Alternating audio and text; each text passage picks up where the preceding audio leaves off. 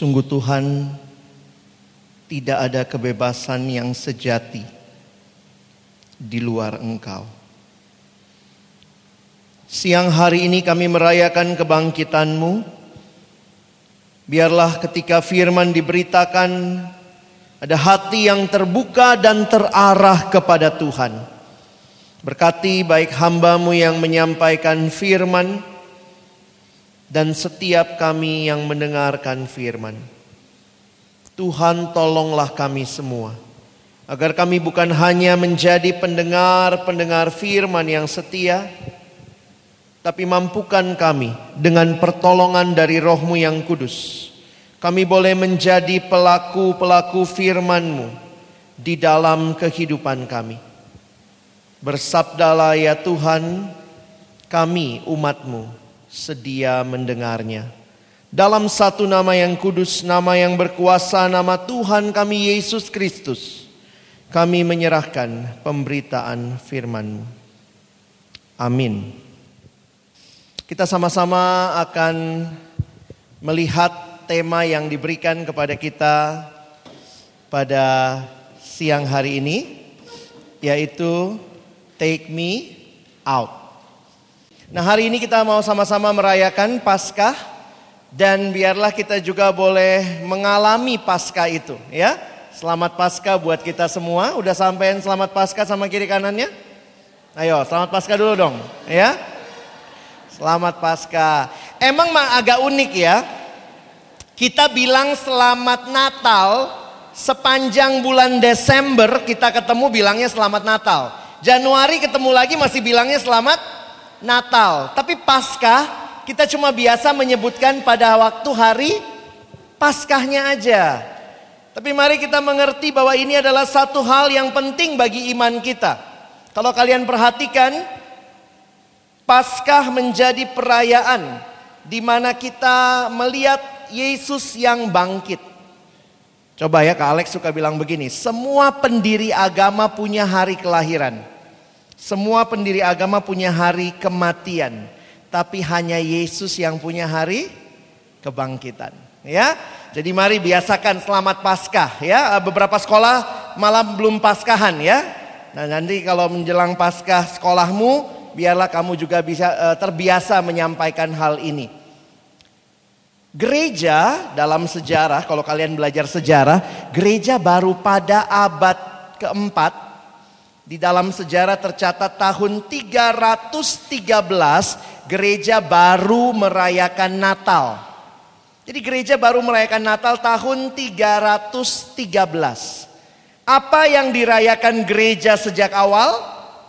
Paskah. Makanya ditandai dengan kita ibadahnya hari Minggu. Apa yang diperingati? Kebangkitan Kristus, Paskah. Jadi kalau kalian rajin ke gereja satu, mi, satu tahun ke gereja tiap minggu berarti kamu sudah rayakan Paskah 52 kali. Ya, kiranya ini menjadi penghayatan bagi kita. Good Friday, Jumat Agung tidak akan pernah jadi agung tanpa minggu Paskah. Benar ya? Lihat kalimat ini ke Alex tulis. Tanpa kebangkitan salib tidak ada artinya. Good Friday tidak akan pernah jadi good kalau tidak ada minggu Paskah. Kalau itu tidak ada minggu Paskah maka itu bukan Jumat yang agung. Itu Jumat paling sial sepanjang sejarah. Ada orang yang mati dia pikir dirinya juru selamat dan tidak pernah bangkit. Tapi Kristus bangkit. Mau menyatakan dialah sungguh-sungguh juru selamat satu-satunya yang sanggup membebaskan manusia dari dosa. Tidak ada juru selamat yang lain. Siang ini Kak saja kita baca Roma pasal 6. Kita akan melihat ayat 9 sampai 14. Roma pasal 6 ayat 9 sampai 14. Yuk kalau sudah ketemu kita baca bergantian. Yang pria baca ayat yang ke-9, wanita baca 10, kita bergantian sampai 14. Perhatikan baik-baik ya. Kalex uh, ajak yang pria mulai baca, satu dua ya. Karena kita tahu bahwa Kristus sesudah ia bangkit dari antara orang mati, tidak mati lagi. Maut tidak berkuasa lagi atas dia.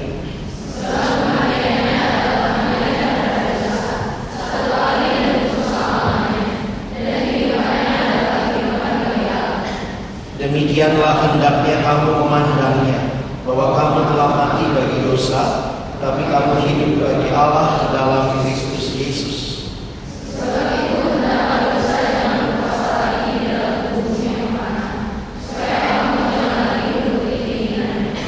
Dan janganlah kamu menyerahkan anggota-anggota tubuhmu kepada dosa untuk dipakai sebagai senjata kelaliman. Tetapi serahkanlah dirimu kepada Allah sebagai orang-orang yang dahulu mati, tapi yang sekarang hidup.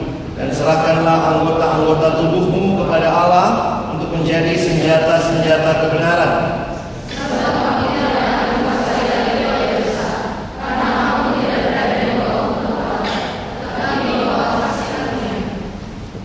Alex ajak hari ini kita melihat tiga hal dari perikop ini ya. Tiga hal dari ayat-ayat yang kita baca. Yang pertama kita akan bicara tentang dosa. Yang kedua kita bicara apa artinya mati bersama Kristus. Dan yang ketiga apa artinya bangkit bersama Kristus. Oke? Dosa, mati, bangkit. Oke? Kita akan lihat yang pertama dulu. Bicara tentang dosa, dosa saya tuliskan di situ membelenggu aku. Saya pikir ini satu gambaran yang tadi kalian lihat ketika mereka terbelenggu dengan kursi yang tidak bisa lepas lagi. Mereka berdirinya tidak mungkin. Ketika ditulis dari awalnya, do not touch. Iseng sih. Manusia gitu ya. Makin dibilang nggak boleh makin pengen.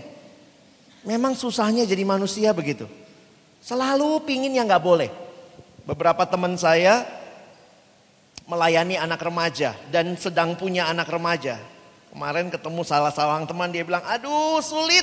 Anak remaja tuh pengen yang malah orang tuanya bilang nggak boleh. Jadi kadang-kadang jadi pergumulan begitu ya. Memang sih ya tidak berarti kita kalau kamu punya orang tua yang bilang semua boleh, jangan-jangan orang tuamu sakit jiwa. Benar. Kalau orang tua masih bilang nggak boleh puji Tuhan ya. Kalau orang tuamu semua boleh. Papa mau bunuh tetangga? Boleh, silakan. Papa mau main video game sampai tua? Silakan. Kalau papa mamamu seperti itu, something wrong, ya. Memang kita kalau perhatikan dosa membelenggu kita. Mari kita lihat dulu, Kak Alex aja kita lihat. Kita sudah sering ya beberapa kali saya khotbah di Depok, ayat-ayatnya sama. Hari ini Kak Alex ingin ajak kita lihat kejadiannya sudah pernah. Kita lihat Roma 11 ya. Coba kita lihat sebentar. Roma 11 ayat yang ke-36. Ini kalau di kalangan mahasiswa sering kali jadi ayat tos-tosan. Ya, Coba kita hayati ayat ini dalam konsep penciptaan. Yuk, kita baca sama-sama ya Roma 11 ayat 36. Satu, dua, iya.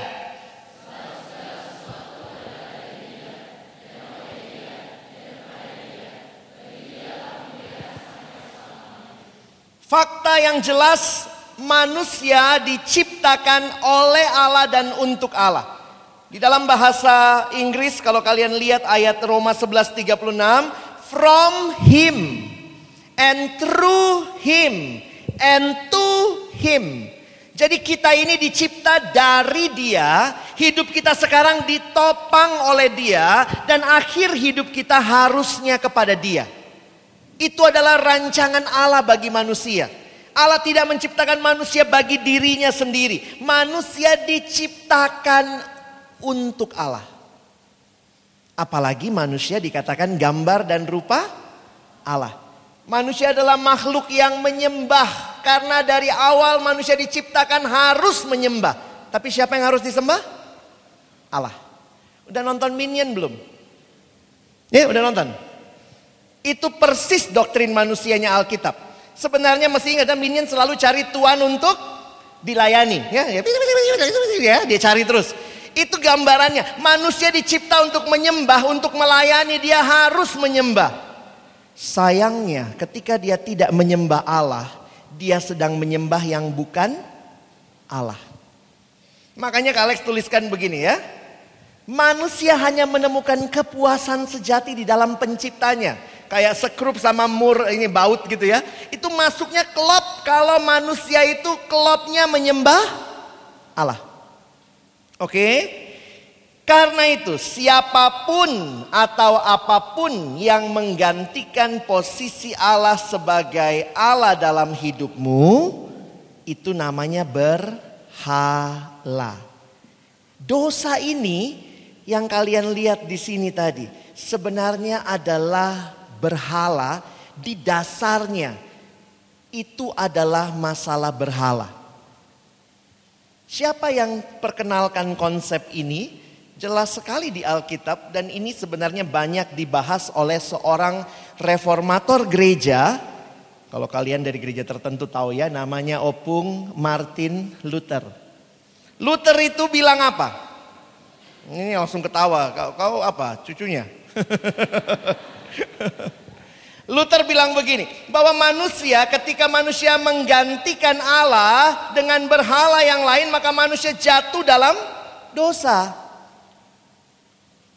Jadi dosa itu akarnya itu berhalanya karena Allah tidak lagi disembah. Makanya Luther bilang begini, perhatikan 10 hukum Taurat, apa dua perintah pertama? Jangan ada padamu Allah lain. Karena Luther tahu betul, begitu ada Allah lain maka manusia sedang menyembah yang bukan Allah. Dia menggunakan pemahaman begini, ketika manusia mencuri sebenarnya siapa yang dia sembah? Allahnya siapa? Kekayaan. Ketika manusia dibilang jangan berzina. Waktu dia berzina, siapa Allah yang dia sembah? Seks. Jadi sebenarnya teman-teman coba lihat yang tadi ya. Yang satu berhalanya adalah pacar. Kenapa relasi? Oh gitu ya. Sampai pakai hati tadi ngapain nggak tahu. Oh saling ngupil kali. Tahu deh. Ada lagi yang berhalanya apa? Yang satu berhalanya dirinya. Wih sana sini sana gitu ya. Yang satu lagi berhalanya karena yang satu sebenarnya tertekan ya. Begitu dia dapat kesempatan balas dendam. Kayaknya bagus sekali tadi ya. Ngeri loh. Ini berhala-berhala di sekitar kita. Dan perhatikan, karena kita makhluk yang menyembah, Allah yang harus kita sembah. Coba Alex kasih gambaran begini. Sikap kita kepada berhala, itu gambarannya uang ya kita itu akan senantiasa menyembah. Believe it or not. Kamu akan mengasihi, menyembah, melayani, memperoleh makna dari sesuatu yang bukan Allah. Harusnya kan yang kita giniin dalam hidup siapa? Allah ya. Hai kamu yang tiap hari secara tidak sadar kau sudah sembah game online. Waktu baca Alkitab nggak pernah ada, main game selalu ada. Ini mirip kayak ke gereja kan? Ke gereja datang, kasih waktu, terus kasih persembahan. Persembahanmu ke mana? Ke provider handphone, beli pulsa, beli kuota. Set, biar bisa main lagi. Download lagi. Ada waktu-waktu di mana kamu tatapi handphonemu itu.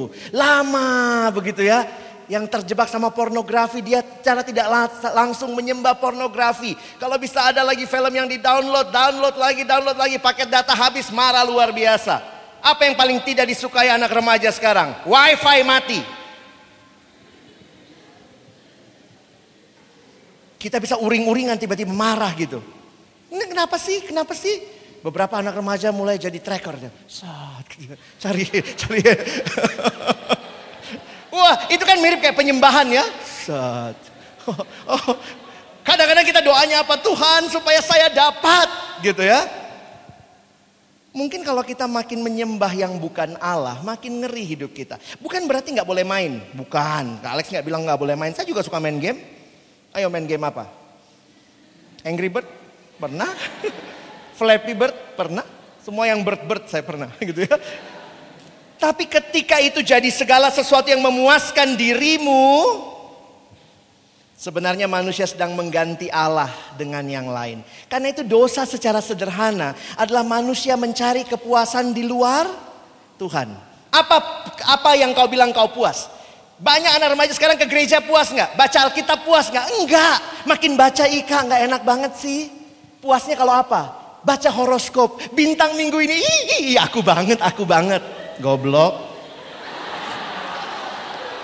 Eh bener loh. Eh dosa itu bikin kita bodoh. Bodoh bener. Masa nanya hidupmu tanya sama bintang. Tanya sama yang cipta bintang. Masa tanya sama bintang. Aku baju apa hari ini ya? Ungu, ungu, warna janda gitu ya. Sorry yang ungu-ungu ya. Abang kakaknya ungu semua tuh. Oh manusia begitu. Apa yang coba tanya, apa yang bikin kamu paling puas?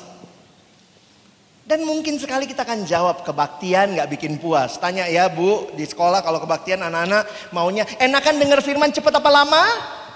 Jujur, ayo, Hah? Belum pernah tuh Kak Alex begitu turun, ayo Kak lagi, lagi jangan turun, lah tambah lagi firmannya nggak gitu kan? Manusia pokoknya maunya cepat, maunya kerohanian yang empang, enak dan gampang. Mau belajar kerohanian, belajar Alkitab pakai sistem ekonomi. Belajar Alkitab sesedikit-sedikitnya, tapi kerohanian sedalam-dalamnya. Gimana cara? Gitu juga kan? Menjelang ujian nasional atau setelah ujian nasional gitu ya. Gimana ya kak, belajarnya singkat tapi pengertiannya mendalam. Tuhan juga bingung nolong kamu.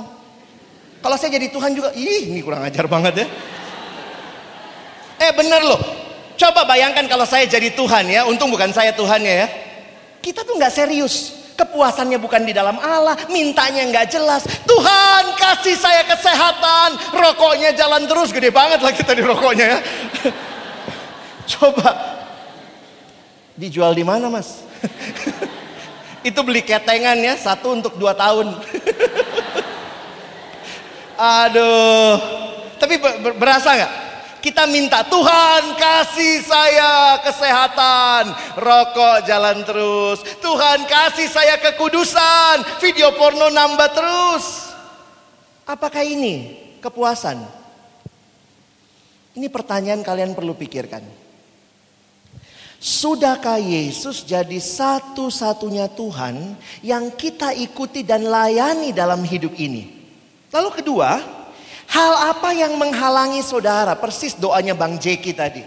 Apa yang sedang menghalangi saya untuk cinta Tuhan sungguh-sungguh? Mungkin yang sedang menghalangi kamu adalah pornografi. Begitu bangun, porno. Bangun, porno. Bukannya bangun, cari Alkitab, baca Alkitab, Berkata Tuhan terima kasih untuk hari baru yang kau beri. Saya bukan membuat kamu jadi anak remaja yang kayaknya aneh, bukan. Tapi saya mau mengatakan inilah kuncinya jadi remaja yang memberikan berkat bagi sekelilingmu. Apa yang kau cari waktu kau bangun pagi? Handphone biasanya. Ih gila sih SMS jam 3 subuh, Ih, ngapain sih? Gitu ya. Mungkin itu yang kita cari. Pertanyaannya, hal apa yang menghalangi saudara untuk ikut Yesus dengan sepenuh hati? Dan perhatikan kalimat ini, baca sama-sama ya. Satu, dua, ya. Hal-hal yang menghalangi saya untuk mengikut Yesus dengan sepenuh hati menunjukkan bahwa mungkin hal-hal tersebut yang telah menjadi Tuhan yang saya ikuti dan saya layani selama ini Oh, saya senang sekali musik karena itu musik tidak boleh menggantikan. Eh, musik, musik, musik. Oh, bisa begitu. Nanti kalau udah kerja mungkin uang, uang, uang. Ada yang nggak bisa sepi. Pacar, pacar, pacar. Setiap kali tanya, lagi apa? Lagi apa? Ih, kalau jadi pacar juga sebel juga ya. Lagi apa? Udah tadi, masih yang sama ya tadi gitu ya. Lagi apa? Lagi apa? Napas. Ditanya lagi ngapain? Masih napas. Bingung loh nanyanya ya. Kenapa kamu nanya terus? Kau separuh nafasku.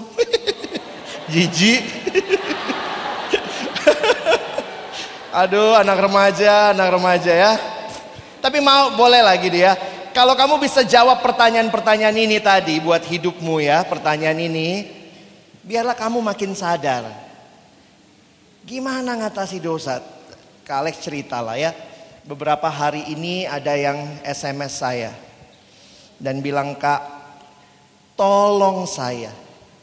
Saya sudah terjerat pornografi sekian tahun. Beberapa waktu yang lalu juga ada yang kontak. Kak, tolong saya. Saya sedang terperangkap dalam dosa-dosa tertentu. Waktu saya melihat hal seperti ini saya harus katakan Tuhan ternyata banyak remaja. Next. Banyak anak remaja, adik-adikku yang saya layani sedang melayani Tuhan yang lain. Sedang terperangkap. Tahu apa yang jadi idolmu. Kadang-kadang kita disuruh ngaku dosa kalau kita nggak tahu dosa kita yang mana. Akui apa yang kau inginkan. Ada anak datang kak, saya terus jatuh dalam masturbasi, masturbasi, masturbasi. Saya tanyakan, lihat akarnya. Apa yang sebenarnya kau sedang cari? Aku cari kepuasan seksual, berarti kau menyembah seks. Bertobat. Kak, aku selalu cari perhatian orang tua. Kenapa? Aku rindu relasi. Papa sibuk, mama sibuk. Tuhan kayaknya jauh dari aku. Oh ternyata masalahnya relasi. Jadi anak itu bikin tingkah macam-macam. Waktu kemudian ketemu saya ngobrol, ternyata masalah utamanya adalah dia butuh perhatian. Munculnya sih bisa macam-macam ya. Jadi coba perhatikan tuh yang terdalam. Apa yang menjadi idol kita. Identifying your idol. Kenali berhala-berhala hatimu. Ini yang Kalex tulis tadi ya. Berhala berarti itu bisa mengubah sesuatu yang baik menjadi yang terutama. Uang itu baik nggak? Baik. Tapi begitu jadi terutama, langsung jadi berhala. Studi baik nggak? Anak yang satu tadi kayaknya studi minded ya. Pegang buku segala macam ya. Studi baik nggak? Baik. Tapi kalau studi jadi segala-galanya, jadi berhala. Orang tua baik? Baik. Tapi kalau orang tua jadi berhala? Oh bisa ya orang tua jadi berhala? Bisa. Setelah saya khotbah di satu kampus ada anak yang datang bilang begini, Kak Alex boleh ngobrol sebentar? Iya. Tadi Kak Alex bilang gak boleh nyontek kan? Iya dek gak boleh. Kata mama saya boleh. Ya ampun. Mamamu siapa? Terus kemudian dia bilang begini. Ternyata dia dikasih pesan sama mamanya. Pesannya begini.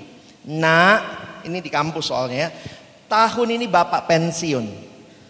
Jadi apa pun caranya semester ini harus lulus. Karena itu mama memberikan restu. Nyontek pun silahkan. Weh. Terus dia bilang, kakak, kak Alex, mamaku yang melahirkan aku. Maksudnya dia mau bilang bukan kakak yang melahirkan aku. Ya iyalah, siapa yang melahirkan kau kan?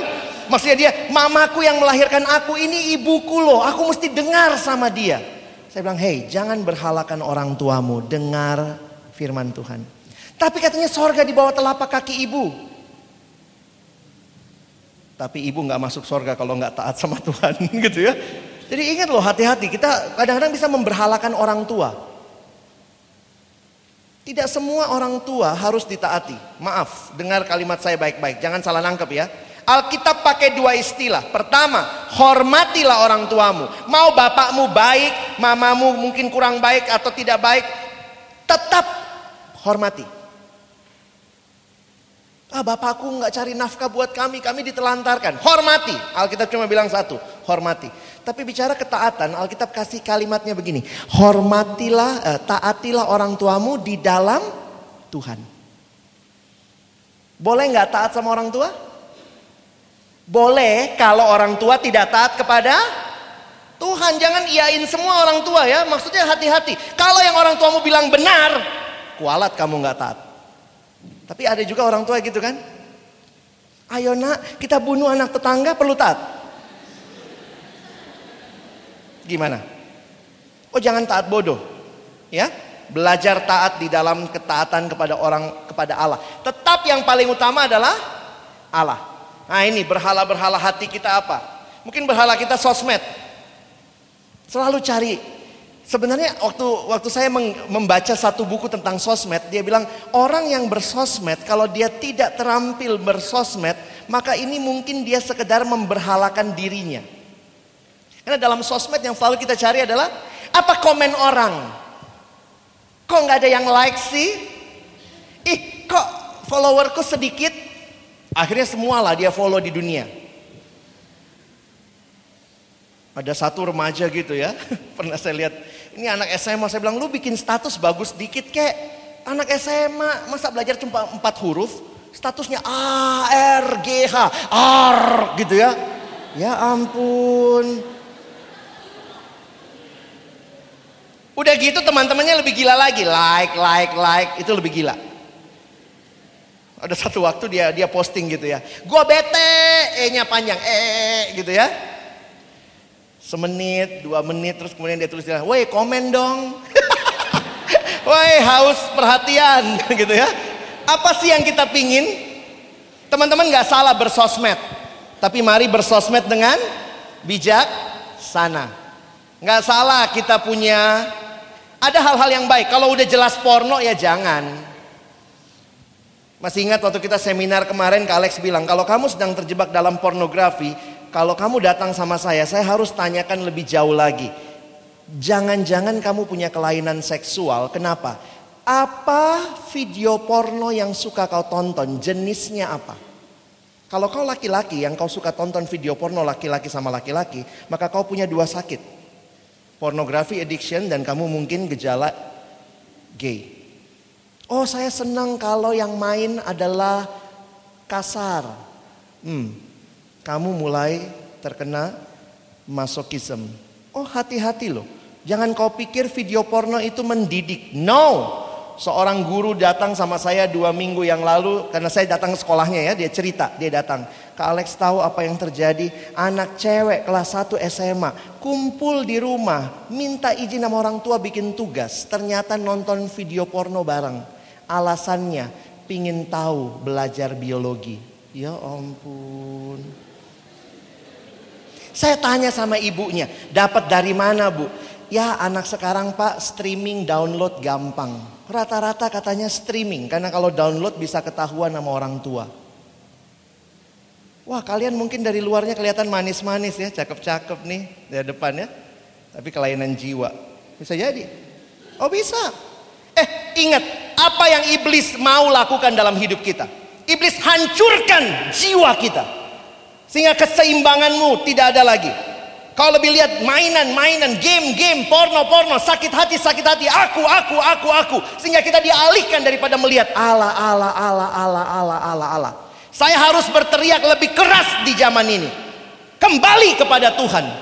Kalau tidak saya tidak mau lihat adik-adikku kamu hilang, binasa. Saya tidak mau lihat itu. Kami layani siswa karena kita mau generasi ini kembali kepada Allah. Tidak boleh engkau disesatkan. Makin kau bilang, ah dia teriak-teriak aja soal pornografi. Saya akan teriak terus dari mimbar ini. Kau perlu kembali kepada Tuhan. Itu kepuasan yang sejati. Tapi dunia teriaknya lain. Silahkan ikut dunia atau ikut Tuhan. Doakan setiap kali ada KKR seperti ini. Dananya besar. Yang nyiapin banyak. Kita rindu siswa datang alami perubahan. Karena mungkin waktu kau masuk kampus, saya nggak tahu kau masuk kampus yang mana. Di kampusmu ada persekutuan yang baik atau tidak. Mungkin ini kesempatan terakhir kau dengar firman. Karena itu kami harus teriak lagi. Kembali kepada Tuhan. Kembali generasi ini kami tangisi. Kembali kepada Tuhan. Kalau tidak, kau akan menikmati kebinasaan. Kepuasan sejati tidak pernah dari ciptaan. Tidak pernah. Kau mau bilang ciptaannya apa? Papamu ciptaan, mamamu ciptaan. Itu tidak akan pernah memuaskan. Uang ciptaan Allah, tapi tidak memuaskan. Seks Allah yang cipta. Tapi bukan kepuasan dalam seks, kepuasan sejati hanya dari pencipta. Ingat baik-baik, kembali kepada Tuhan. Yang memuaskan kita bukan yang horizontal, ciptaan-ciptaan, pacar ciptaan. Karena itu waktu kau pacaran, fokus kepada Tuhan. Kau punya orang tua, fokus kepada Tuhan. Kau punya studi, fokus kepada Tuhan. Kalau tidak, yang terjadi ini, Dosa hanya bawa ketidakpastian, galau berkepanjangan, rasa bersalah, kekosongan. Anak yang SMS saya sudah bilang, "Kak, saya terjebak pornografi sekian belas tahun, saya kecewa sama diri saya." Itu SMS-nya kemarin. Saya balasnya apa? Tuhan juga sangat kecewa. Bukan cuma kau yang kecewa sama dirimu. Tuhan juga sangat kecewa. Tapi ada berita baiknya, Dek. Tuhan tetap dan sangat mengasihi kamu. Karena itu Tuhan mau kamu kembali. Saya bilang minggu ini kalau ada waktu kita ketemu, saya mau doakan kamu. Gak bisa kita hidup kayak begini terus. Gak bisa. Kamu yang punya akar pahit sama orang tua. Kamu yang punya akar pahit sama teman. Kamu yang hidup dalam dendam iri hati. Kamu yang hidup self-center, egois. Kamu yang hidup di belenggu pornografi. Tuhan mau kau bebas. Karena itu dia datang. Karena upah dosa itu cuma maut. Di dalam dosa manusia cuma bisa teriak ini, take me out. Tadi mereka teriaknya itu ya, kedengeran nggak? Kita nggak tahu dengan teriak apa ya. Itu teriakan mereka itu, take me out. Kita nggak bisa selamatkan diri kita. Kalau manusia bisa selamatkan dirinya sendiri, kita nggak butuh Tuhan, juru selamat, betul? Tapi Tuhan tahu engkau dan saya begitu tidak berdaya. Saya suka bayangkan ini ilustrasi yang berapa kali Kak Alex pakai di KKR siswa ya. Saya ulangi lagi. Saya senang ilustrasi orang ngekos itu ya. Kalian ada yang ngekos di sini? Nggak ada lah ya. Kayaknya di rumahnya malah punya kosan. Ini beberapa juragan kos ini kayaknya. Orang kalau ngekos berapa kamar biasanya? Kan satu kamar ya. Nggak ada yang ngekos tiga kamar gitu. Satu kamar sepatu, satu kamar baju gitu. Itu mendingan kontrak ya. Bayangkan kalau kamu kos, ma malam-malam itu ya, biar kamu kamu mau bikin ini bayangkan, jangan dilakukan. Kamu sedang mau kasih pengumuman untuk satu kosmu. Kamu keluar dari kos malam-malam, lalu kamu bilang, Hai semua penghuni kos. Orang dari dalam kos semua keluar. Ada apa tuh? Ada apa tuh? Malam-malam kok teriak-teriak. Biar seru jam 12 malam ya. Hai semua penghuni kos. Ada apa tuh? Ada apa tuh? Sudah kumpul semua? Wah. Saya mau kasih pengumuman. Apa itu? Sederhana. Mulai malam ini. Tepat pukul 00. Saya mau kasih pengumuman, mulai malam ini tepat pukul 00 kosan ini punya saya. Kira-kira teman kosmu bilang kamu? Makanya jangan dicoba ya. Do not try this at home. Orang bilang, ih gila ya. Katanya kuliah, tapi kok gila gitu ya. Cakep sih tapi ritik. Oke, terus kemudian ibu kos datang, ibu kos datang. Karena ibu kos datang, kamu bilang, tante pemilik kos. Ada apa nak? Tante saya baru kasih pengumuman. Ada announcement baru dua menit yang lalu tante. Apa itu? Mulai malam ini, kosan ini punya saya. Pasti ibu kos juga bilang kamu. Gila. Dan puncak kegilaanmu malam ini adalah mulai malam ini tante keluar dari sini. Logis nggak ceritanya? Siapa yang bisa ngusir? Yang ngekos apa yang punya kos? Yang punya kos kan? Ya. Nah, teman-teman coba bayangkan nih, saya coba bayangkan ya. Bukankah itu dosa? Siapa yang cipta semua dunia ini? Siapa yang cipta? Tuhan. Punya siapa semua ini? Punya Tuhan. Terus manusia dengan gila bilang apa? Ini semua punya saya. Tuhan dari surga, ih gila. gila, gila. Tuhan lihat kita, Tuhan juga bilang ini orang gila. Kita ini siapa yang cipta? Tuhan. Terus kita bilang apa? Ini semua punya saya. Tuhan juga bingung. Terus lebih gilanya manusia bilang apa? Tuhan keluar dari hidupku. Siapa yang bisa ngusir? Puji Tuhan teman-teman. Puji Tuhan, Tuhan kita tidak baper. Bayangkan kalau Tuhan baper. Saya mau coba bayangkan kalau Tuhan baper. Ditolak itu enak nggak? Nggak enak ya? Kalau saya jadi Tuhan lalu kau tolak saya, puji Tuhan bukan saya Tuhannya. Kalau misalnya kamu bilang, Kak Alex sebagai Tuhanku, keluar dari hidupku. Saya tinggal kamu bener. Bodoh, baper. Eh, aku ada perasaan cel, ya. Puji Tuhan, Tuhan kita nggak baper, nggak prasmul, perasaan mulu. Maaf yang mau kuliah di Prasmul. Apa yang kita lihat di salib? Tuhan yang kita tolak, Tuhan yang kita katakan keluar dari hidupku, Tuhan yang manusia berontak kepadanya, Tuhan yang datang ke dalam dunia. Seolah-olah Tuhan mau bilang apa? Stop kegilaanmu Alex. Bukan ini rencanaku buat engkau. Kembali kepadaku. Tuhan tidak baper. Tuhan tidak menolak kita. Ketika kita menolak dia, dia malah turun menebus kita. That is our God. Kalau engkau boleh lihat, kasih Allah kasih yang luar biasa. Apa yang kau balas? Kau masih melakukan dosa terus, terus, terus. Tapi Tuhan tidak berhenti mengasihimu. Karena itu hanya dia yang bisa mengeluarkan kita dari dosa. Teriakan kita cuma take me out. Tapi lihat jawabannya atas masalah dosa manusia adalah Yesus Kristus. Jesus Christ, the God solution. Searching for the answer to life? Jesus, you have found him. Cari di mana ini keyboard S-nya dua begitu ya. Ayo loh. Ini demi kepentingan gambar ya. Kalex suka kumpulin gambar ya.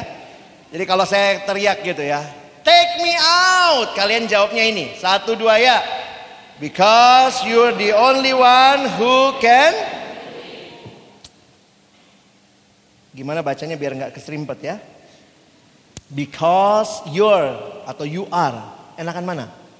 You are ya biar nggak keserimpet ya. Take me out. Yes, gitu ya. Ingat, yang bisa mengeluarkan kamu dari dosa hanya Tuhan. Sehingga Tuhan melakukan operation rescue. Wah, ya. Coba baca sama-sama.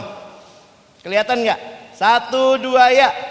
Allah melakukan operasi penyelamatan paling dramatis dalam sejarah alam semesta. Allah menentukan untuk menyelamatkan umat manusia dari pengrusakan diri sendiri.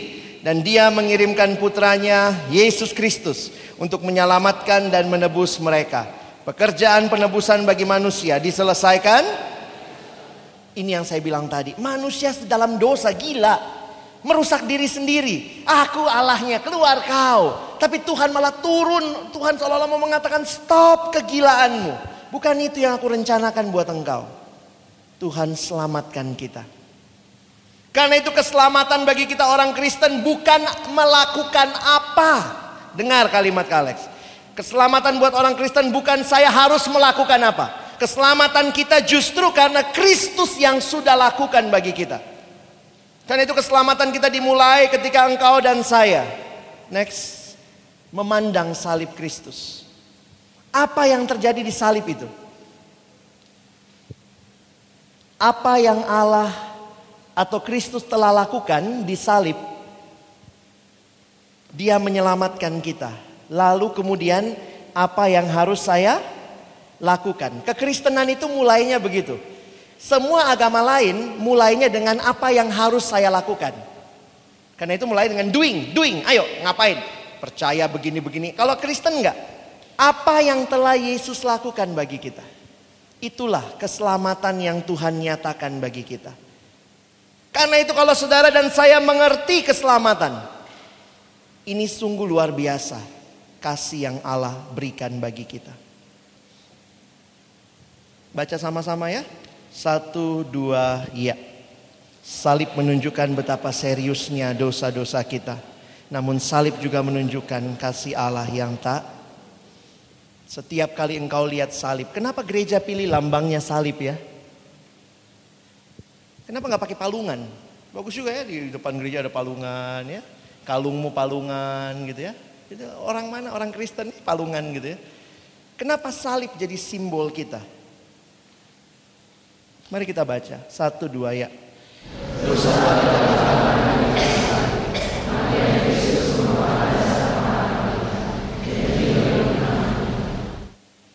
Teman-teman ingatlah luar biasanya karya Kristus di kayu salib. Salib merupakan satu-satunya jalan keselamatan dan salib memberikan tujuan yang baru bagi kita. Karena itu perhatikan, ini yang Yesus alami bagi engkau dan saya. Bahkan Roma pasal 5 ayat 8 mengatakan dia mengalami semua ini ketika kita masih berdosa. Pendeta Billy Graham mengalat, mengatakan kalimat ini, kita baca sama-sama. Salib adalah bukti termulia dari kasih Allah. Salib menyingkapkan kasih terbesar di dalam dunia.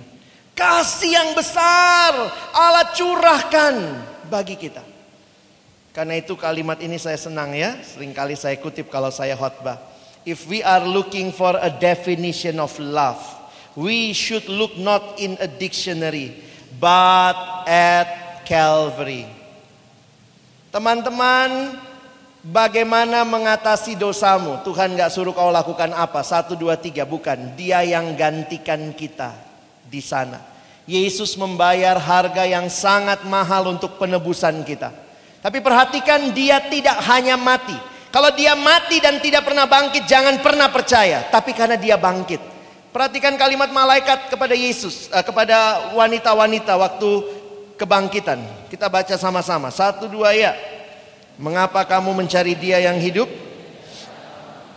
Ia tidak ada di sini. Ia telah bangkit. Saya kutip kalimat pendeta Billy Graham kembali. Ayo kita baca sama-sama. Satu, dua, tiga.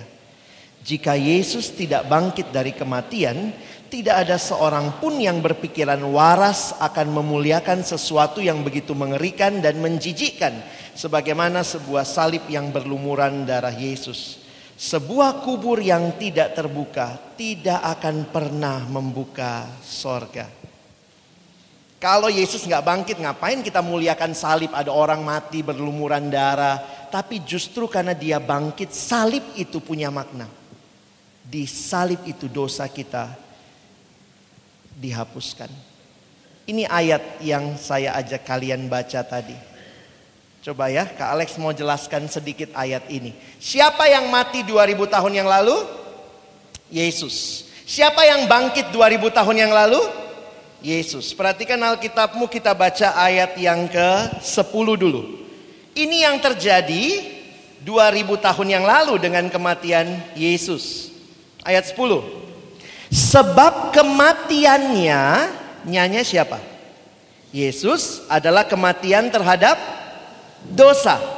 Satu kali dan untuk selama-lamanya. Jadi Yesus mati kematiannya terhadap dosa. Dialah yang menanggung hukuman dosa. Dia pikul semuanya di dalam dirinya. Tapi Yesus tidak cuma mati, dia bangkit. Perhatikan kalimat selanjutnya. Dan kehidupannya, siapa yang hidup? Yesus. Hidup berarti bangkit. Adalah kehidupan bagi Allah. Dia mati terhadap dosa, dia hidup bangkit bagi Allah. Lihat ya, dia mati terhadap dosa, dia bangkit hidup bagi Allah. Sekarang pertanyaannya, apa efeknya buat saya? Nah, saya mau jelaskan sedikit agak teologis ya, tolong dengerin. Di dalam pemahaman tentang kematian dan kebangkitan Kristus ada satu konsep yang Paulus suka ulangi, yaitu konsep di dalam Kristus. Di dalam Kristus. Ini konsep yang menarik. Dosen saya menjelaskannya begini. Kalau ini adalah manusia berdosa, saudara dan saya, maka manusia berdosa waktu Allah melihat kita tidak ada lain selain Allah menghukum dosa. Ini Kristus yang benar, ini Kristus yang kudus. Maka waktu kita terima Yesus dalam hidup kita, kita sekarang berada di dalam Kristus. Waktu Tuhan melihat kita, Tuhan melihat siapa? Kristus. Makanya ini kalimat favoritnya Paulus. Selalu dia pakai kata di dalam Kristus. Di dalam Kristus. Jadi waktu Allah melihat kita, Allah melihat kebenarannya siapa? Kristus. Allah melihat kekudusannya siapa? Kristus. Karena itu perhatikan bukan karena kita kudus kita selamat. Ingat ya. Bukan karena kita benar makanya kita selamat, tapi karena siapa benar? Kristus. Siapa yang kudus? Kristus. Makanya di dalam Alkitab semua kalimat tentang keselamatan bentuknya pasif. Diselamatkan. Dikuduskan, dibenarkan karena kita sudah ada di dalam Kristus. Nah, menarik sekali. Ini doktrinnya namanya doktrin kesatuan dengan Kristus. Jadi ternyata waktu kita sudah menyatu dengan Kristus, teman-teman sekarang perhatikan begini. Kematiannya Yesus 2000 tahun yang lalu karena saya sudah menyatu, saya pun ikut mati. Kebangkitannya Yesus 2000 tahun yang lalu, sekarang saya pun ikut bangkit. Itu yang Paulus tulis di ayat 10, 11. Itu yang ke Alex Bold. Perhatikan ya. Coba kita baca sama-sama. Demikianlah hendaknya kamu memandangnya. Bahwa kamu telah mati bagi dosa, tetapi kamu hidup bagi Allah. Nah kalimat favoritnya, dalam Kristus Yesus. Jadi teman-teman siapa yang mati 2000 tahun yang lalu? Yesus. Siapa yang bangkit? Yesus. Tapi karena saya sudah terima dia dalam hidup saya, maka saya pun mengalami kematiannya. Kalau Yesus mati terhadap dosa, saya bagaimana? Masih main-main sama dosa? Enggak, saya pun mati terhadap dosa. Kalimat yang Paulus pakai, saya mati bagi dosa. Kalau Kristus bangkit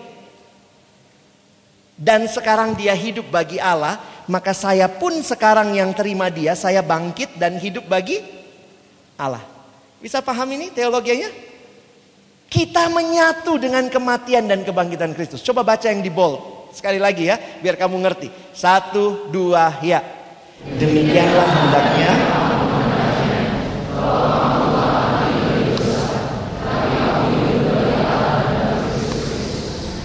kamu mati bagi dosa. Karena itu langsung dilanjutkan. Baca ayat 12 13. Ini bagian kita. Apa bagian kita? Tolong teman-temanku baca 12 13 ya. Satu dua ya. Sebab itu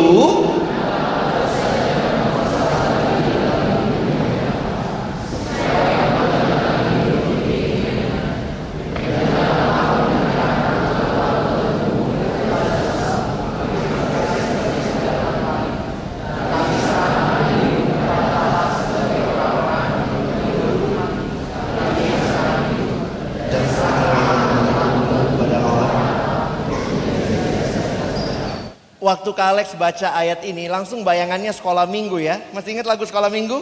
Hati-hati gunakan tanganmu, kakimu, mulutmu, amin, matamu, bling-bling. Semua tubuh kita. Karena saya sudah mati terhadap dosa, saya tidak pakai tubuh ini melakukan dosa. Saya justru pakai karena saya sudah bangkit. Saya pakai untuk hidup bagi bagi Allah. Orang yang sudah mengalami Paskah akan mengalami dan tahu Yesus mati karena itu saya boleh hidup. Kalek senang dengan gambar ini. Paskah bukan cuma dirayakan, harus kamu alami dalam hidupmu. Ingat, kamu dan saya yang sudah terima Yesus, kita sedang membawa kematian dan kebangkitan Yesus dalam tubuh kita. Itu kalimatnya Paulus. Coba lihat sebentar ya. 2 Korintus, nggak ada di slide saya lupa taruh. 2 Korintus 4 Coba teman-teman lihat 2 Korintus 4. Tolong baca ayat 8.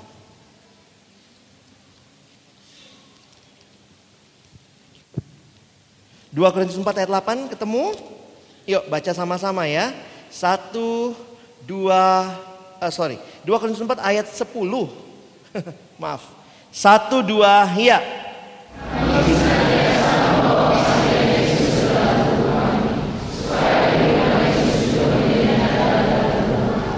Mari tidak hanya rayakan Paskah, alami Paskah, ya.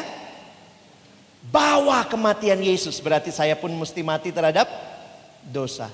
Bawa kebangkitan Yesus, berarti sekarang saya hidup bagi bagi Allah. Apa respon kita? Ada ayat lagi nih kita baca ya. Satu, dua, iya. Sebab jika kita hidup, kita hidup untuk Tuhan. Dan jika kita mati, kita mati untuk Tuhan. Jadi baik hidup atau mati, kita adalah milik Tuhan. Sebab untuk itulah Kristus telah mati dan hidup kembali. Supaya ia menjadi Tuhan baik atas orang-orang mati Seorang bernama Tim Keller, dia punya Facebook, lalu kemudian dia tulis status ini di Facebook. Karena kan Kristus yang bangkit itu supaya ia menjadi Tuhan. Dia tulis begini. Jesus cannot be just like. Kadang-kadang kalau kita lihat status kita like, like, like ya. His claim make us either kill him or crown him. Kalau dia betul-betul raja, dia Tuhan, berarti kau tidak punya pilihan lain, harus disembah. Tapi kalau kau tidak sembah dia, kau sembah yang lain, berarti kau membunuh dia. Secara tidak langsung mau mengatakan seperti yang digambarkan di Alkitab, kalau kau masih hidup dalam dosamu terus-menerus, kau menyalibkan Tuhan untuk kedua kalinya. Tapi kalau kau katakan Tuhan engkau rajaku, ini hidupku, kuserahkan kepadamu. Perhatikan apa yang Kak Alex rindu jadi respon kita. Terima Yesus dalam hidup kita. Buka hatimu. Jadikan dia raja satu-satunya. Apa artinya terima Yesus? Ada dua hal yang saya mau bagikan. Terima Yesus yang pertama, percaya Yesus satu-satunya Tuhan dan Juru Selamat pribadimu. Maukah kau buka hatimu? Kalau betul di pusat hatimu adalah Yesus, maka ini harusnya jadi sikapmu. Sikap kepada Tuhan, kalau dia Tuhan, saya sembah dia, saya mengasihinya, saya melayaninya. Jangan ada Tuhan yang lain.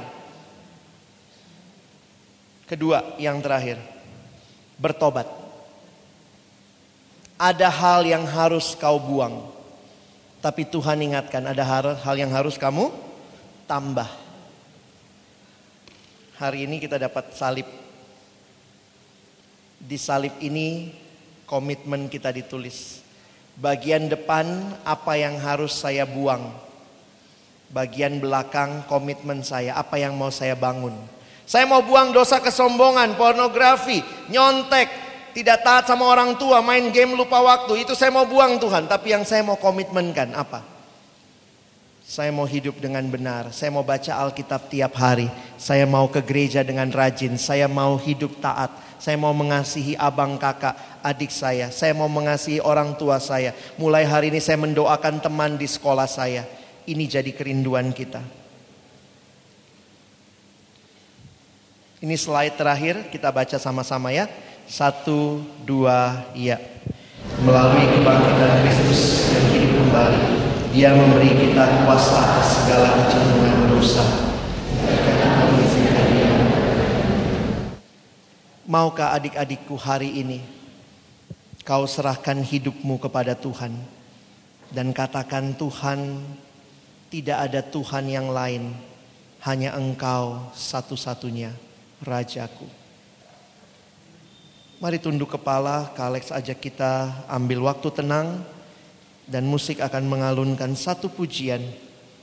Ambil waktu ini, kalau ada bagian firman Tuhan yang hari ini, Tuhan ingatkan engkau kembali kepadaku. Aku mengasihimu, aku menebus hidupmu, aku tidak mau kau lebih lama di dalam dosa. Tuhan dengar teriakanmu, take me out. Dan kau datang kepada dia hari ini. Mari ambil waktu ini secara pribadi berdoa di hadapan Tuhan. Menyerahkan seluruh hidupmu, masa mudamu kepada Tuhan.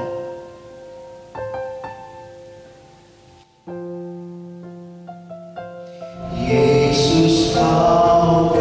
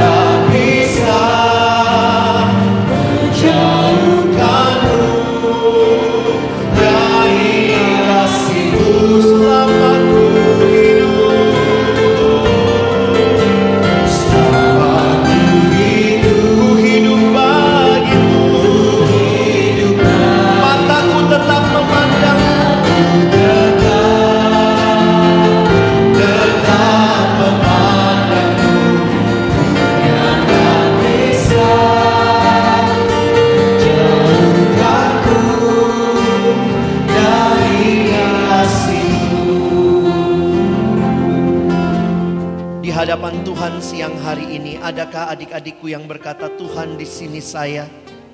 Selama ini saya sudah jadi orang Kristen, tapi saya belum mengerti apa artinya menerima Yesus sebagai satu-satunya Tuhan dan Juru Selamat dalam hidupku. Hari ini firman-Mu sudah diberitakan, di dalam Kristus aku diselamatkan. Bukan apa yang aku lakukan, tapi apa yang sudah Kristus lakukan bagiku di kayu salib. Terima kasih kau menggantikan aku. Kau menyelamatkan aku supaya aku tidak lebih lama hidup di dalam kegilaanku, kerusakanku. Dan hari ini, adakah adik-adikku yang berkata, Tuhan di sini saya. Untuk pertama kalinya, saya mau buka hatiku. Saya mau terima Yesus sebagai satu-satunya Tuhan. Dan juru selamat dalam hidupku. Kalau ada adik-adikku yang hari ini mau mengatakan kalimat ini. Tuhan, saya mau buka hatiku untuk pertama kalinya, saya mau buka hatiku terima Engkau sebagai satu-satunya Tuhan dan Juru Selamatku. Saya mau bertobat sungguh-sungguh. Saya mau tinggalkan dosa-dosa yang membelenggu hidupku. Tuhan beri aku kemerdekaan. Apakah ada yang berkata demikian? Jika ada yang berkata demikian, angkat tanganmu sebentar. Kak Alex mau doakan kamu. Apakah ada yang mau buka hati terima Yesus? Angkat tangan sebentar. Puji Tuhan. Ada lagi. Puji Tuhan. Puji Tuhan. Puji Tuhan, masih ada lagi yang berkata Tuhan di sini saya. Saya mau buka hatiku terima Engkau pada hari ini. Ini hidupku Tuhan, ini masa mudaku. Ada lagi yang berkata demikian, angkat tanganmu, saya mau berdoa bagi kamu. Puji Tuhan, masih ada lagi. Puji Tuhan. Yang sudah angkat tangan boleh turunkan tangan. Tapi kalau saat ini Tuhan gerakkan kamu. Kamu masih malu, tapi hari ini kau katakan Tuhan tidak bisa.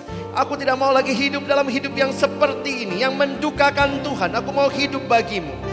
Mari, buka hatimu, angkat tanganmu. Saya mau doakan kamu. Ada lagi, puji Tuhan. Puji Tuhan, masih ada lagi. Puji Tuhan. Tidak usah lihat kiri kanan, ini keputusan pribadi. Kalau kau belum siap, katakan Tuhan tolong saya. Tapi kalau Tuhan gerakkan hatimu hari ini, angkat tanganmu. Ada lagi yang berkata di sini saya Tuhan. Puji Tuhan, masih ada lagi. Puji Tuhan. Tangan diturunkan.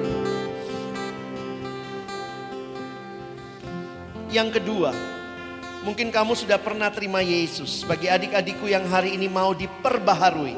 Khusus bagi kalian yang hari ini mau diperbaharui sekali lagi.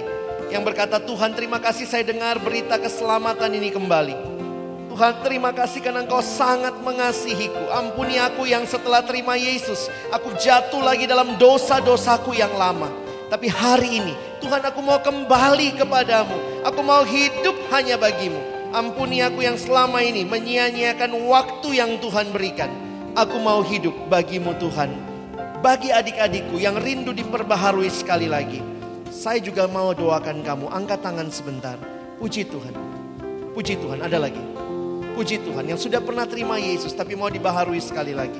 Angkat tanganmu, puji Tuhan. Puji Tuhan yang di belakang, yang di depan. Jika hari ini Tuhan gelisahkan engkau, Tuhan aku mau kembali, aku tidak mau lagi dalam hidup yang lama. Angkat tanganmu, ada lagi. Puji Tuhan. Tangan diturunkan. Sebelum saya tutup, Tuhan menggerakkan saya menantang adik-adikku yang punya pergumulan dengan dosa-dosa yang tersembunyi. Yang kau tahu tidak ada yang tahu, tidak ada yang melihat tapi kau sadar. Di dalam hatimu Tuhan aku dibelenggu oleh dosa ini. Baik kamu yang hari ini dibelenggu dengan pornografi. Kamu yang dibelenggu dengan seks yang tidak wajar. Kamu yang dibelenggu dengan iri hati, kamu yang dibelenggu dengan rasa tidak puas, selalu komplain, Tuhan kenapa hidupku begini? Kenapa aku alami ini? Kamu yang kecewa sama papa mama. Mungkin di luar kamu kelihatan anak yang baik, tapi hatimu sebenarnya kau cari-cari perhatian karena kau tahu Tuhan ini belum selesai. Aku belum mengalami kasih yang sempurna. Tapi hari ini Tuhan mengasihimu. Adik-adikku yang hari ini Kau sadar Tuhan saya juga punya pergumulan yang dalam yang tersembunyi. Tuhan bebaskan saya. Supaya saya bukan hidup bagi diriku tapi hidup bagi engkau ya Tuhan. Saya tidak menyembah yang bukan Allah. Saya mau menyembah hanya engkau Tuhan. Karena itu bagi adik-adikku yang punya pergumulan tertentu. Jika ada yang hari ini Tuhan ingatkan dalam hatimu. Dan kau mau didoakan secara khusus. Saya juga mau doakan kamu. Jika ada, angkat tangan sebentar. Puji Tuhan, ada lagi. Tidak usah malu, tidak usah ragu. Saya terbatas bisa mengetahui semua pergumulanmu, tapi ingat Tuhan melihat hatimu sampai kedalaman hatimu. Kau yang kelihatan anak baik, guru-guru mungkin lihat kau sangat baik, tapi ternyata hidupmu mengecewakan Tuhan di hidup yang terdalam. Karena kau sedang menikmati hal-hal yang tidak benar, yang tidak berkenan kepada Tuhan. Ada lagi yang mau dibebaskan, Tuhan lepaskan saya. Angkat tanganmu, kita mau berdoa bagi kamu. Ada lagi. Puji Tuhan, masih ada. Puji Tuhan. Mari tangan diturunkan. Semua kita berdiri di hadapan Tuhan. Yesus kau kebenaran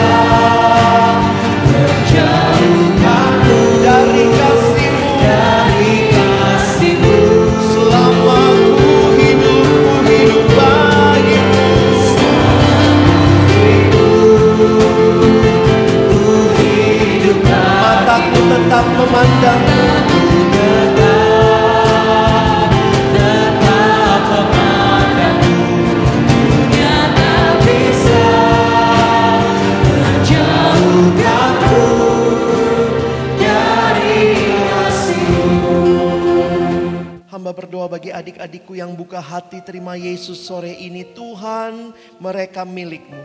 Biarlah tidak ada Allah lain yang mereka sembah, yang mereka senangkan. Biarlah seperti lagu ini mereka boleh berkata kalau aku hidup, aku hanya hidup bagimu Tuhan yang benar. Hatiku tetap menyembahmu, tidak menyembah Allah yang lain. Tuhan ampuni setiap dosa dan kesalahan kami. Biarlah hari ini waktu kami kembali kepadamu, Tuhan Engkau yang memberikan keteguhan hati kepada kami. Demikian juga bagi adik-adikku yang hari ini berkata, Tuhan perbaharui saya sekali lagi. Mungkin selama ini mereka masih main-main, sesudah mereka terima Yesus mereka jatuh mengulang lagi dosa-dosa yang sama. Dosa-dosa yang kami tahu tidak Tuhan sukai. Dan hari ini kami boleh berkata, Tuhan baharui aku sekali lagi. Aku tidak mau hidup dalam hidup yang lama. Aku mau hidup hanya bagimu. Terima kasih Tuhan. Dan secara khusus hamba berdoa. Bagi adik-adikku yang dibelenggu oleh dosa-dosa tertentu. Yang tersembunyi jauh di dalam hati kami.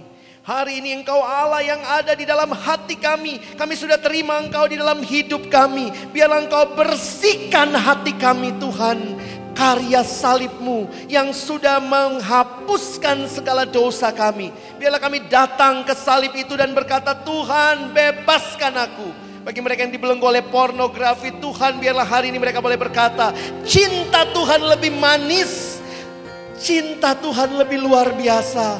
Aku tidak mau lagi kembali ke dalam pornografi. Bagi mereka yang hari ini berkata, Tuhan hatiku begitu pahit, Aku simpan semua kepedihan-kepedihanku. Tapi hari ini aku pandang salibmu. Di situ kau sudah mati menggantikan aku. Kau sudah bebaskan aku dari sakit hati. Karena engkau tanggung semua itu di kayu salib. Bagi adik-adikku yang dibelenggu oleh dirinya sendiri. Merasa akulah segala-galanya. Aku harus mendapatkan semuanya. Biarlah hari ini Tuhan mereka boleh pandang salib Kristus, di situlah mereka boleh berkata, terima kasih Tuhan, Engkaulah segala-galanya bagiku. Bagi mereka yang diikat oleh akar pahit, benci kepada orang tua, keluarga mereka. Bagi mereka yang dibelenggu oleh nyontek Tuhan, Mereka yang dibelenggu oleh seks yang tidak benar. Tuhan hari ini bebaskan kami supaya masa muda kami jadi masa muda yang kami persembahkan bagimu. Jika ada yang harus ditolong, lebih khusus lagi biarlah tolong adik-adikku boleh cari kakak-kakak rohani yang bisa menolong mereka, mendoakan, membimbing mereka. Cari guru-guru agama yang mungkin juga sudah bersekian lama mendoakan mereka. Tuhan kami mau generasi ini kembali kepadamu Tuhan. Kami milikmu. Kami mau kembali kepadamu.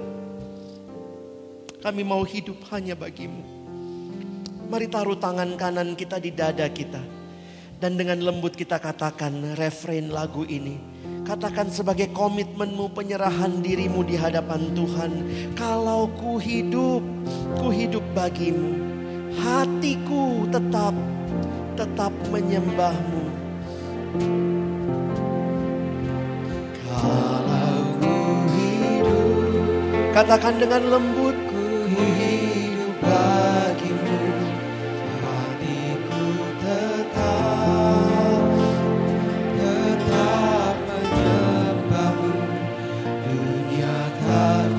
Bisa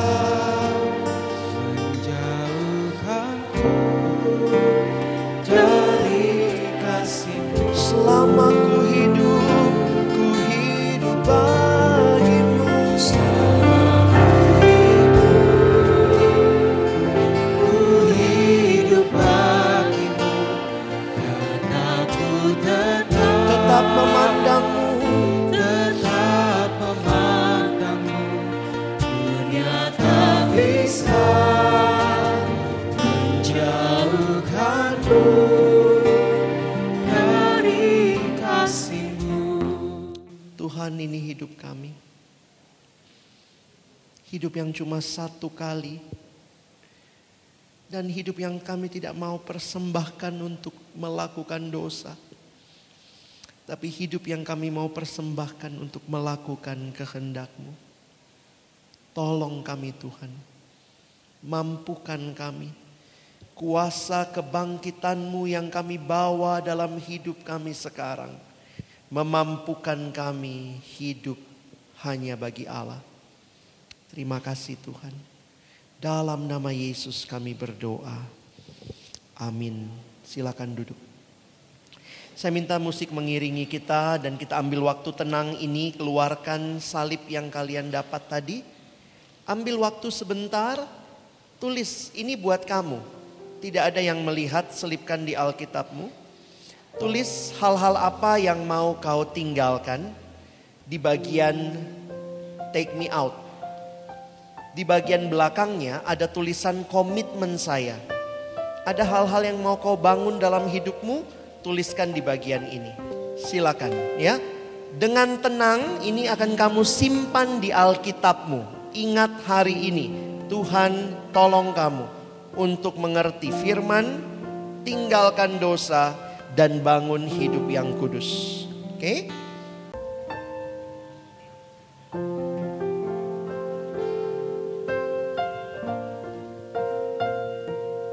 Silakan angkat tangan kalau belum dapat pulpen dan salibnya.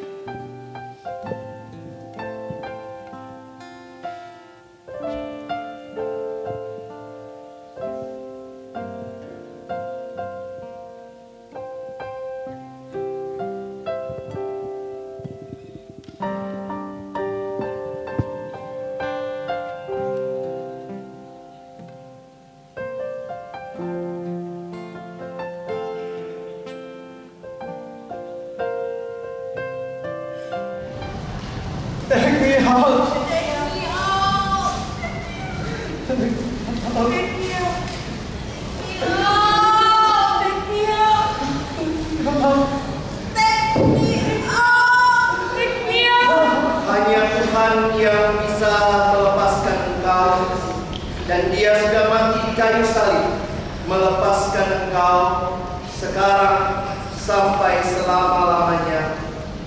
Amin.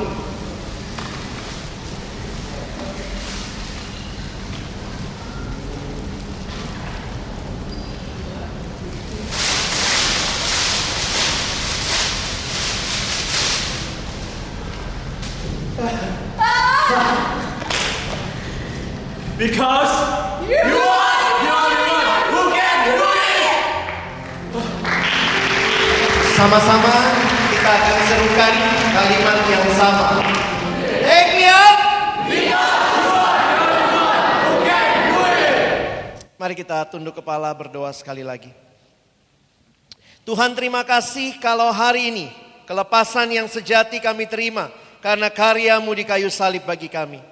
Terima kasih Tuhan biarlah setiap komitmen yang kami buat untuk kami lakukan untuk hidup bagi Allah. Dan setiap dosa yang kami tinggalkan karena kami sudah mati bersama Kristus. Biarlah kami boleh alami pasca itu di dalam keseharian kami sebagai siswa Tuhan tolong siswa-siswi di Jakarta Timur 2, di Depok, di Cibinong boleh benar-benar mengalami pasca, bukan sekedar merayakan pasca. Terima kasih karena hanya engkaulah yang bisa melepaskan kami dan hari ini kau sudah ada dalam hati kami, kau menolong kami boleh hidup hanya bagimu. Dalam nama Tuhan Yesus kami bersyukur, kami berdoa. Amin. Saksi